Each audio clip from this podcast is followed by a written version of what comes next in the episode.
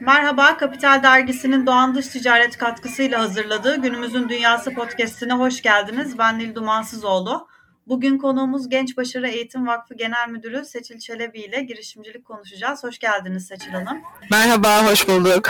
Şimdi pandemiyle birlikte Türkiye'de girişimcilerin sayısında bir artış gözlemlendi. Yatırımlarda da artış gözlemlendi. KPMG'nin bir raporu vardı 2021 yılının 3. çeyreğinde 68 işlemle toplam 90.7 milyon dolarlık bir yatırım hacmi gerçekleşti. Bunlar startup ekosistemi için olumlu atmosfer yaratıyor.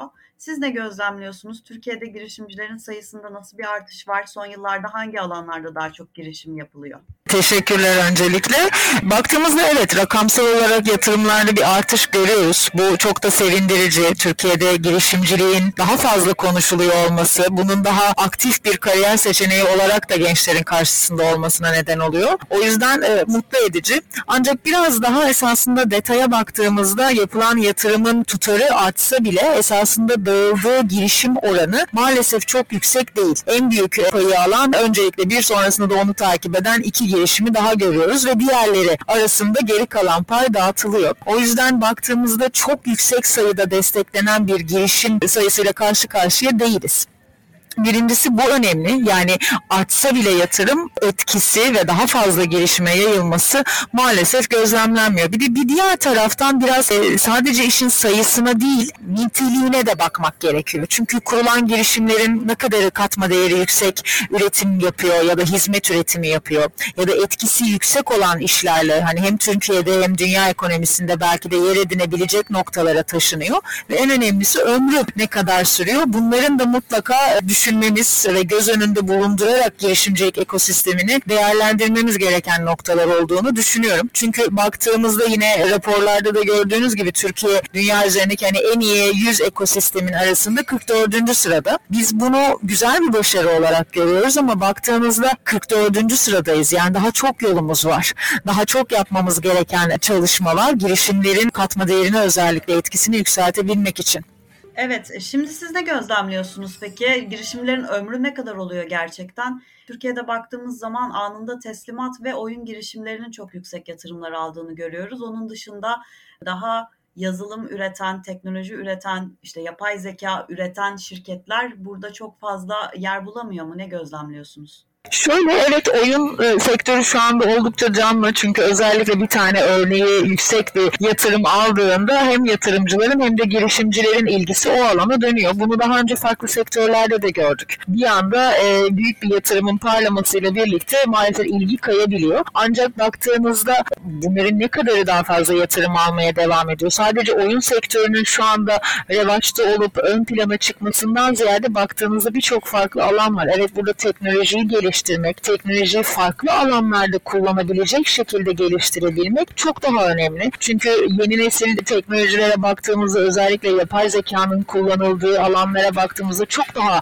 ön plana çıkmaya başlıyor. Ama bizim girişimlerimizde ise ilk bir yılını tamamlayamadan maalesef çok büyük bir kısmını battığını görüyoruz. Yani şu an için belki de sektörlere öncelik verip bunlara bakmakla birlikte girişimcilerin yapısına da bakmamız gerekiyor girişimcinin yatırımcıyla olan ilişkisini nasıl kurduğu da burada ön plana çıkıyor. Çünkü bunu sadece bir maddi çıkar ilişkisi, maddi bir sürecin başladığı bir nokta olarak görmemek lazım. Yatırımcı girişimci arasındaki ilişki esasında o girişimin büyümesi noktasında da yatırımcının ona yol göstereceği bir nokta. Girişimciye baktığımızda işine tutkuyla bağlı olup da ben bu işten ne kadar zamanda çıkarım, ne kadar bunu işte büyük bir yatırım alırım ve en nihayetinde çıkış sonuçta elde edeceğim işte kar payım ne kadar olur diye düşünmekle yola çıktığında maalesef işte yatırım alarak ya da yatırım alamadan daha ilk senesinde maalesef bu girişimlerin çok büyük bir kısmının öldüğünü görüyoruz.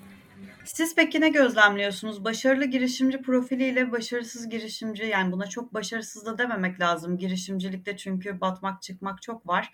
Sonuna gidememiş girişimcilerde diyelim nasıl eksiklikler görüyorsunuz? Çok güzel bir soru Nil Hanım. Çünkü gerçekten en büyük işin noktası değil girişimcinin yapısı ve bizim bizim de bugün baktığımızda vakıf olarak da en çok vermek istediğimiz şey gerçekten o girişimci zihin yapısının hem gençlere hem de artık yetişkin hale geldiklerinde kendi bünyelerinde tam olarak bulundurulmasını sağlamak. Çünkü baktığımızda işte dediğimiz gibi birincisi kısa zamanda gelir elde etmek, kolay yoldan yüksek miktarlarda parayı kazanmaktan ziyade gerçekten girişimci gibi hareket eden, girişimci gibi karar veren, onun gibi hırslı bir şekilde ve aynı zamanda tutkulu bir şekilde kendi fikirlerinin ve yapmak istediklerinin arkasından giden insanlar olması önemli. Bu noktada sadece maddiyata odaklı olduğunda maalesef başarısızlık geliyor ve şeye kesinlikle katılıyorum ki bu bizim de çok hassas olduğumuz bir nokta. Asla buna başarısızlık olarak tabii ki görmemek lazım. Özellikle gençlerin yaptıkları bu noktalardaki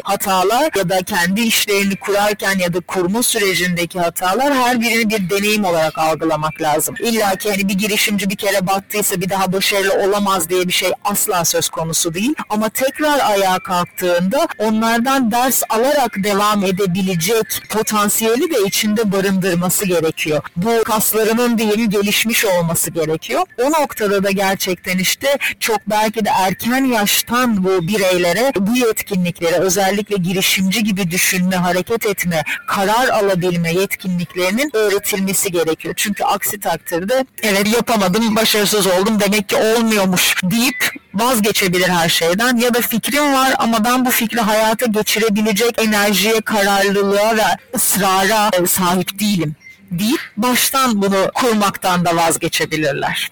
Şimdi siz Genç Başarı Eğitim Vakfı olarak üç gruba eğitimler veriyorsunuz, destekler veriyorsunuz. İşte e, ilkokul, ortaokul ve üniversite olmak üzere. Buralarda ne gözlemliyorsunuz? Şunu sorayım, üniversite öğrencilerindeki girişimcilik isteği nedir? Onun dışında ilk ve orta öğretim seviyesindeki öğrencilere girişimcilik programları vermek onların kişisel gelişimine nasıl katkı sağlıyor? Yani sonuçta herkes de bir girişim kuracak diye bir şey yok. Ama bu becerileri kazanmak hayatta neler katıyor gençlere? Son söylediğiniz cümleyle esasında başlayayım. Evet herkesin kesinlikle girişimci olması gibi bir şeyi asla hedeflemiyoruz veya bunu arzulayarak yolda çıkmıyoruz diyeyim. Hatta bazı gençlerin bunu deneyimleyip girişimci olmaktan vazgeçmeleri, girişimciliğin onlara uygun olmadığını keşfetmeleri bile bizim için ciddi anlamda değerli. Ve burada şey önemli. Bugün gençlerimiz bir şekilde kendi işlerini kurabilirler çalışmaya başlayabilirler ve bu çalışma hayatları kamuda olabilir, özel sektörde olabilir, sivil toplum örgütlerinde olabilir ya da akademisyen olabilirler. Yani birçok farklı alanda, birçok farklı meslekte yer alabilirler. Ancak bugün 21. yüzyıl yetkinliklerine baktığımızda da gençlerin analitik düşünebilmeleri, sorumluluk alabilmeleri, zamanlarını iyi yönetebilmeleri, iyi bir iletişimci olabilmeleri ve her şeyden önce kararlı olmaları ve mutlaka ve mutlaka yaptıklarını devam ettirebilecek güce sahip olmaları önemli hale geliyor. Bunun dışında tabii ki teknolojiyi bilmeleri, ona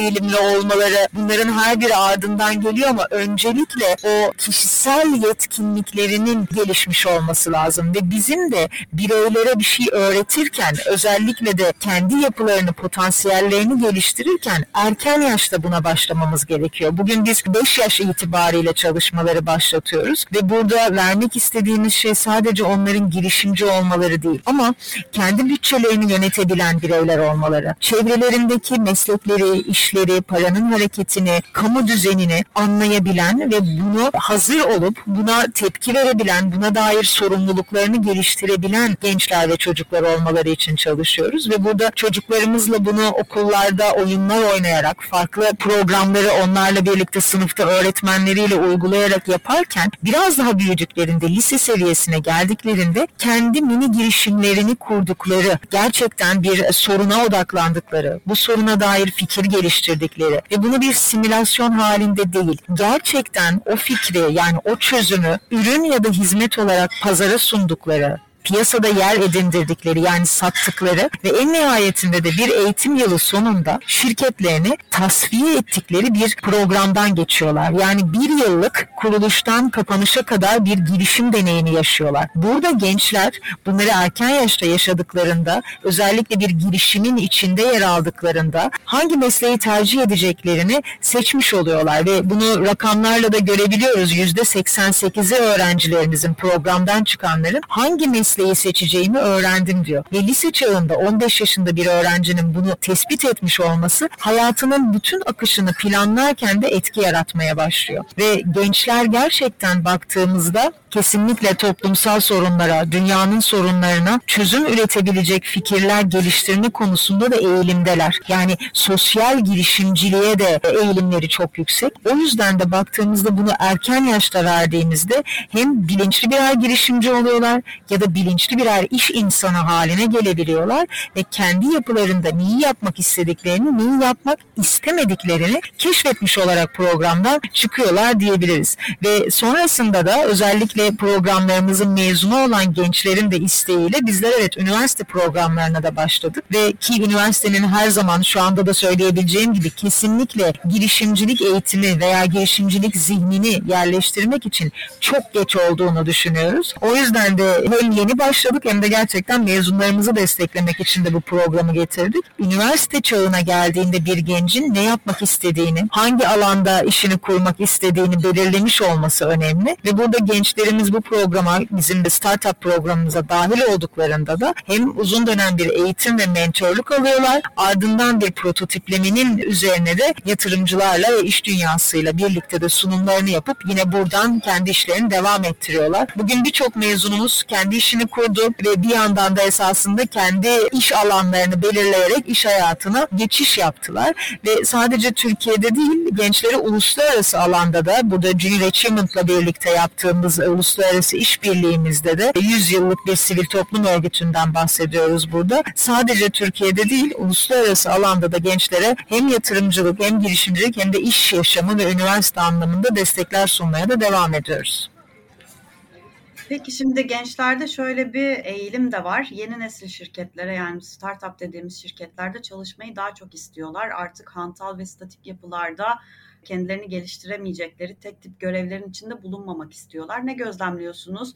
Gençlerin startuplarda çalışma isteği ne durumda? Gençler özellikle sorumluluk almayı çok seviyorlar. Bir birey olarak görülmeyi çok seviyorlar ve belli bir kurallar silsilesi içerisinde kapana kapılmış yani bir kapana kısılmış gibi hissediyorlar. Ve o yüzden de kurumsal yapılar ve bu kurumsal yapılardaki bazen o hantal yapı onları gerçekten zorluyor. Çünkü kendini gerçekleştirme imkanı vermiyor. Ama bir startup'ın içindeki o dinamik yapı, her yere erişebilmek, herkesle konuşabilmek, içeride ast üst düzey ilişkisinin ve iletişiminin çok yüksek olmaması onların en büyük tercihleri arasında. O yüzden de startuplar çok daha çekici geliyor. Çünkü bugün baktığımızda biz hep gençleri işte sorumluluk sahibi değiller, işte e, online mecralarda çok zaman geçiriyorlar, iletişimleri çok düşük diye düşünmemize rağmen ne kadar yeni nesli şu anki kobilerin ya da büyük işletmelerin anladığını da biraz düşünmek lazım. Çünkü onların doğduğu yeni bir dönem var ve bu dönemin içerisinde sosyal medya yeni gelişen bir şey değil. Ama yetişkinler ya da işte artık Y kuşağı bile o noktada biraz daha zorlanıyor Z kuşağı ile iletişimde veya X kuşağının ana büyük yöneticilerin diyeyim ya da işte işletme sahipleri birinci kuşağın baktığınızda ne kadar yeni kuşağı tanıdı, tanımak için ne kadar istekli olduğu veya onlar için ne kadar değişime açık olduğunu da bazen işte şapkayı önümüze koyup düşünmemiz gerekiyor. Çünkü gençler böyle bir yaşam istemiyorlar. Gençlerin işte yetişkin büyük nesil diyeyim önceki nesiller iletişime kapalı olduğunu düşünürken gençler en iyi yetkinliklerinin iyi iletişim kurmak olduğunu düşünüyorlar. O noktada da tabii ki nerede kendilerini bir birey olarak gerçekleştirebilecekleri eğilimi varsa o alanları tercih ediyorlar. O yüzden de startuplar çok güzel bir seçenek oluyor onlar için. Son olarak siz gençlerle her düzeyde işte ilkokul, ortaokul ve üniversite düzeyinde iç içe olan biri olduğunuz için sormak istiyorum. Gençlerin kaygıları nedir dönem dönem? Yani üniversite öğrencilerinin iş bulamama kaygısı, işte Türkiye'nin ekonomik sorunları içinde boğuşmaları, herkesin yurt dışına gitmek istemesi. Nasıl bir genç profili gözlemliyorsunuz şu an üniversite öğrencilerinde? Lise öğrencilerinin de işte e, amansız bir yarışa girip hangi üniversiteye gideceğim? Türkiye'nin her yeri üniversite oldu. İşte e, kötü bir üniversiteye gidersem başarısız mı olurum gibi nasıl kaygıları var? Gençlerin bu kadar kaygı içinde bırakılmasını nasıl değerlendiriyorsunuz? Maalesef bu saydığımız kaygıların ve en nihayetinde ülke olarak da karşılaştığımız bir gerçeğin tam olarak göbeğinde yer alıyoruz şu anda. Çünkü hem lise öğrencileri hem üniversite öğrencileri işsizlikle beraber açıkçası ne yapacaklarını bilmemenin verdiği, kararsızlığın verdiği bir tedirginliğin de içindeler. Çünkü bugün hepimizin de belki de geçmişinde yaşadığı gibi bir ebeveyn baskısı söz konusu. Ebeveynlerin kendi bildiği meslekler, şu an revaçta olan meslekler, alanında çocuklarının gelişmesi, bu alanda tercih yapmalarını beklerken gençlerin çok daha farklı fikirleri olabiliyor. Gençler yeni meslekleri tanımak, yeni neslin açıkçası hem tercih ettiği hem de yeni nesil şirketlerin tercih ettiği meslekleri tanımak, bunlar içinde yer almak istemelerine rağmen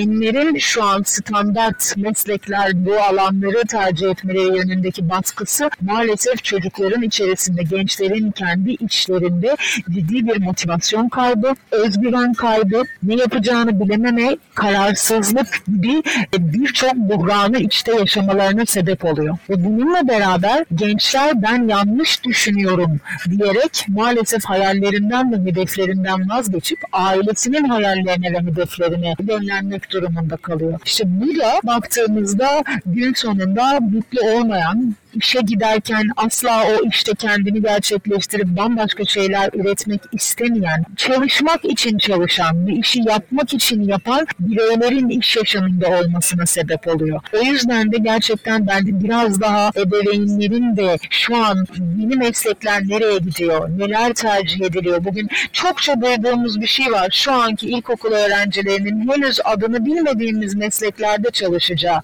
çokça söyleniyor. Eğitim ekosisteminin içinde iş dünyası dünyasının içerisinde ya da insan kaynakları uzmanları tarafından böyle bir gerçek varken biz çocuğumuzu ya da biz bir işte öğretmen ya da bir akademisyen olarak biz gencimizi nasıl yönlendireceğimiz konusunda da önce dönüp kendimize bakmamız gerekiyor. Yani demin işte COBİ'lere ya da büyük şirketlerdeki yöneticilere atıfta bulunduğum gibi burada da biraz daha bu çocukların umutsuzluğunu engelleyebilmek için gerçekten dönüp kendi tarafımıza ebeveynlerin özellikle ve yetişkinlerin kendi fikirleriyle gençleri nasıl yönlendirdiği, onlara nasıl mentorluk yaptığını da mutlaka değerlendirmeleri gerekiyor. Çünkü baktığımızda henüz sınırları çizilmemiş bir sürecin nasıl yapılanacağını bilmediğimiz bir dönüşümün içindeyiz ve bu dönüşüm tıpkı 100 yılın gerekleri gereğince de daha hızlı olacak, daha tekrarlayacak, daha farklılaşacak ve daha fazlalaşacak. O yüzden de bunu kalkıp da sadece tek düze belli kalıpların içerisinde gençlere aktarmamalıyız. Yoksa ciddi kayıplar yaşıyoruz çocuklarımızda. Ama en önemlisi çocuklar yeterli sorumluluk verildiğinde, gençler de çocuklar da altından kalkamayacakları iş yok. Öğrenemeyecekleri şey yok. Ve burada mutlaka yine ebeveynlere ve yetişkinlerine söylemek istediğimiz belki de şeylerin başında da şu geliyor. Gençlere gerçekten o sorumluluğu vermekten bir kaçınmayınız. İkincisi iyi üniversite tercihi ya da iyi bir üniversitenin içindeysen varsın. 90 artık o noktadan sonra işim çok zordan ziyade lise hayatınızı nasıl geçirdiniz? Üniversite hayatınızı nasıl geçirdiniz? Ne gibi etkinliklere, ne gibi aktivitelere, nasıl oluşumların içerisinde yer aldınız? Katkı sağladınız, kendinizi geliştirdiniz. Sadece okula gittim, geldim ve bu süreci 4 yılda tamamladım. Artık iş dünyasının içerisinde maalesef hiçbir şey ifade etmiyor. Kendini gerçekleştirecek enerjiye sahip bireylerin olması lazım. Peki Seçil Hanım çok teşekkür ediyorum katıldığınız için. Ben teşekkür ederim davetiniz için. Çok sağ olun. Görüşmek üzere tekrar. Hoşçakalın.